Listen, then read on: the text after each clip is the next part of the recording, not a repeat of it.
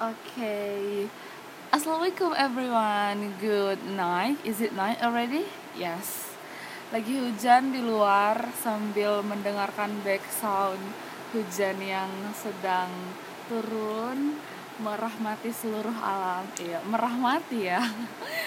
ya hujan kan indikat dari datangnya rahmat dari Allah ya. Jadi sambil turun rahmat nih kayak sekarang. Asik kali ya kalau misalnya kita lanjut ngebahas tentang 7 day non-stop talking about parenting with Amy Chan podcast. Yes. Yay! Oke okay, jadi ini day one dan uh, aku akan ngebahas tentang hal yang esensial banget bagi seorang manusia yaitu brain.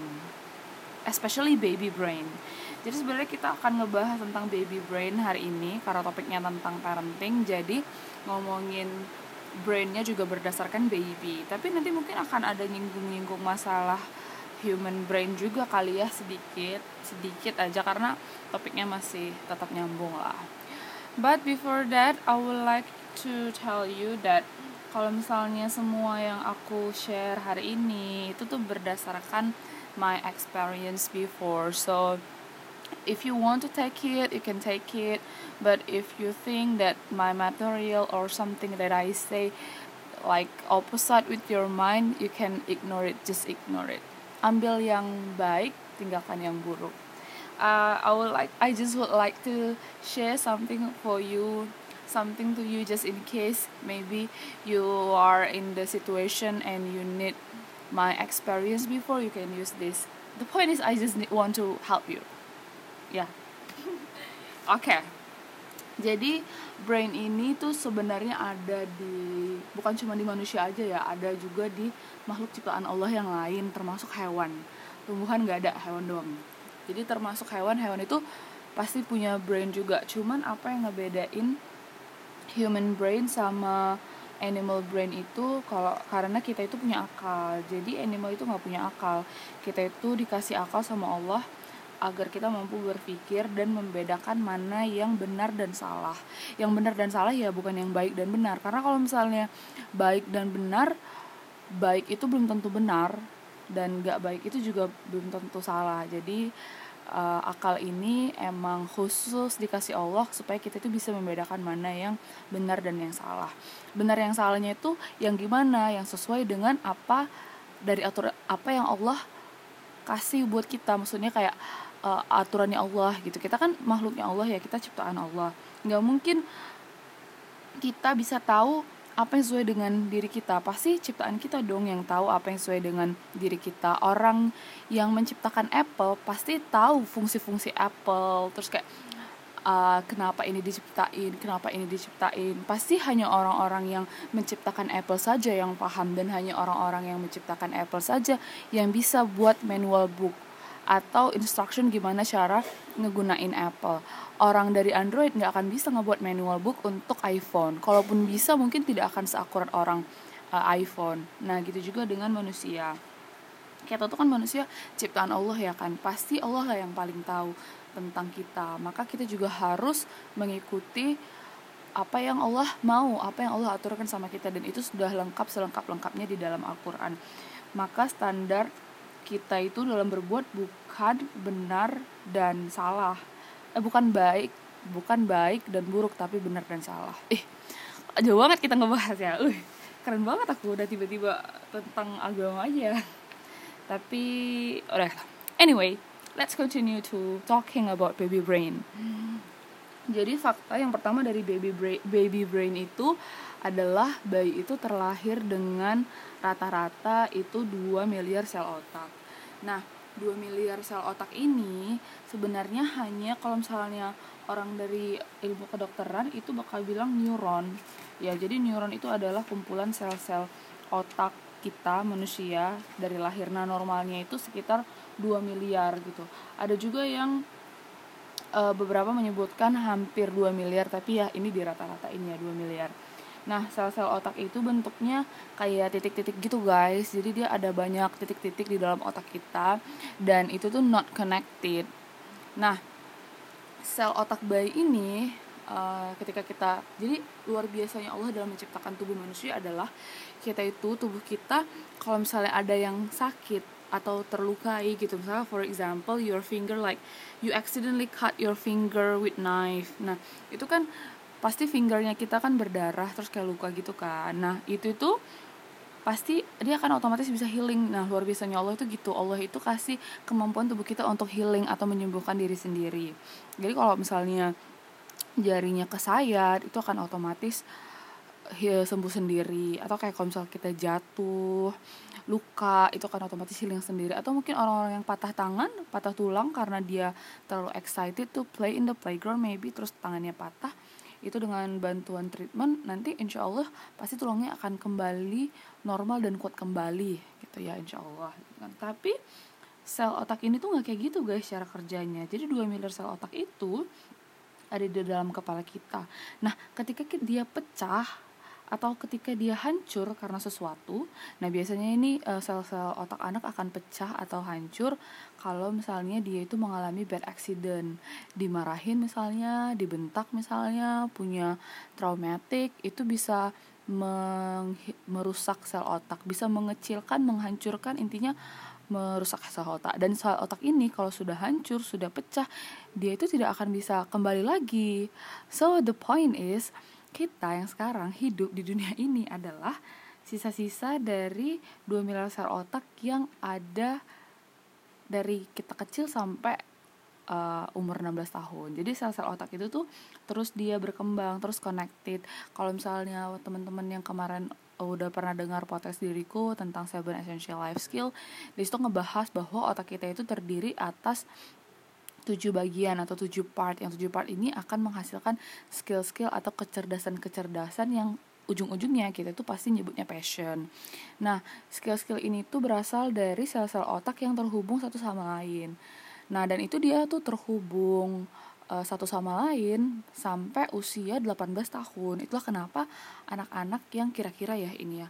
Kira itu kenapa anak-anak yang uh, under 18 atau under 17 nah ini tuh standarnya kalau misalnya kita di Indonesia tuh SMA itulah kenapa anak-anak SMA ke bawah mereka itu lebih cenderung mendengarkan orang lain ketika mengambil keputusan. Nah ini beda banget nih sama anak-anak yang udah tamat SMA atau anak-anak kuliah atau orang-orang dewasa yang kayak kita sekarang.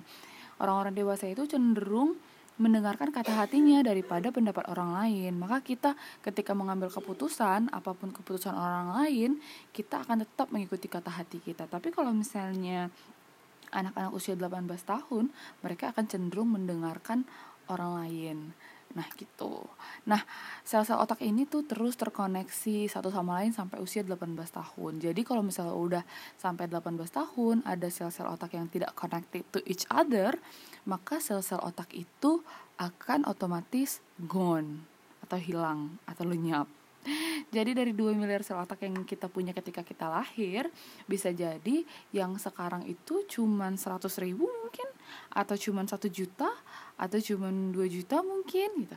Ma, makanya ada istilah yang bilang kalau misalnya baby itu jenius. Nah padahal sebenarnya faktanya baby itu nggak jenius karena jenius itu seorang anak atau sesosok manusia eh sesosok manusia. I mean like seseorang itu dikatakan jenius bukan cuma dia itu punya banyak sel otak tapi juga sel otaknya tersambung satu sama lain. Bukan hanya satu part aja yang terhubung tapi dengan part-part lain. For example like uh, logical thinkingnya terkoneksi dengan kemampuan bahasanya kemampuan bahasanya terkoneksi dengan kemampuan musik uh, gitu-gitu semakin banyak koneksinya maka dia akan semakin jenius Nah, baby itu sebenarnya dia punya banyak sel otak 2 miliar. Ini sih make sense sih, makanya ada istilah yang bilang kalau misalnya uh, ketika kita dewasa kita hanya menggunakan 2 or 3% dari kapasitas brainnya kita. Itu sebenarnya make sense karena mungkin para para saintis itu mengkalkulasikan kalau misalnya kita terlahir dengan 2 miliar sel otak, kemudian yang sisa sekarang sekitar 2 juta kalau 2 juta masih 10% ya. 200 ribu misalnya sekarang cuma 200 ribu sel otak itu kan cuma 2% dari total ya? 2 miliar uh, 10 persennya ya kan sekitar 200 200 kan? Sekitar 200 sel otak 200 ribu sel otak aja mungkin yang tersisa.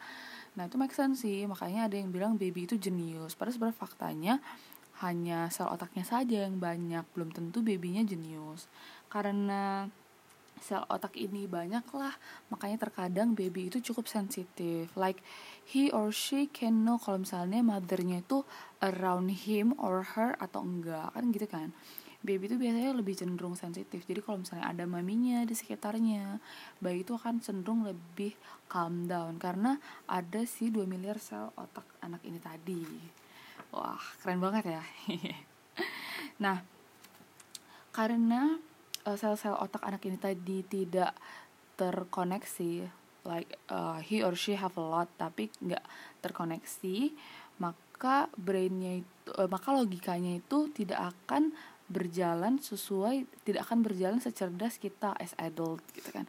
Makanya bayi-bayi itu masih akan cenderung menggunakan uh, refleksnya sel syaraf refleks karena otaknya itu belum berfungsi uh, akal bukan akal ya. Otak bagian logical thinkingnya belum berfungsi dengan sempurna. Maka Allah memerintahkan agar gerak syaraf di tubuhnya bayi itu bekerja dari karena si uh, bagian logical thinkingnya kan belum jalan. Makanya bayi itu kadang kalau misalnya pernah ngelihat di channel channel-channel video tertentu YouTube deh misalnya gitu kan ada baby-baby yang dia itu dilemparin aja gitu sama emaknya ke kolam renang terus babynya ngapung. Nah itu sebenarnya cara si syarafnya yang kerja karena si uh, otaknya belum bisa berpikir kan belum berfungsi ya. Makanya lah ketika bayi dicemplungkan ke dalam kolam renang dia akan otomatis fly me. Loh fly me to the moon sih? Otomatis bisa berenang. Sebenarnya itu yang kerja tuh gaya refleksnya. Atau ada misalnya bayi dia itu mau jatuh dia akan otomatis menopang tubuhnya karena ini kerja gerak refleks. Nah gerak refleks ini juga kadang e, sering kerja juga nih di kita orang dewasa. Jadi kalau misalnya terkadang kita berada di situasi berbahaya yang cukup cepat maka otak refleks kita juga akan berjalan. Nah gitu. Bayi ini juga e, dari mulai 0 sampai sekitar lima tahun otak kanannya itu akan duluan bekerja daripada otak kirinya. Oleh karenanya, bayi-bayi atau balita itu juga akan cenderung lebih menyukai hal-hal yang berwarna-warni, bersuara, music, dancing, art, a lot of colors, something like that. Karena otak kanan dari si bayi inilah yang duluan bekerja. Nah, luar biasa ya, masya Allah ya, gitu ciptaannya Allah uh, and I think that's all. Hujannya juga udah berhenti. Asik banget ya. Jadi itu dia fakta-fakta tentang baby brain. Nanti mungkin di podcast hari kedua kita akan lanjutin lagi ngebahas tentang uh, year 2, 3, 4, etc. sama treatment-treatment tertentu sesuai dengan Islam beberapa. Bagaimana cara dealing with children supaya mami yang gak stres dan childrennya juga nggak stres. Silahkan diambil baiknya dan ditinggalkan yang nggak baiknya. And thank you for listening to me. And good night. Assalamualaikum warahmatullahi wabarakatuh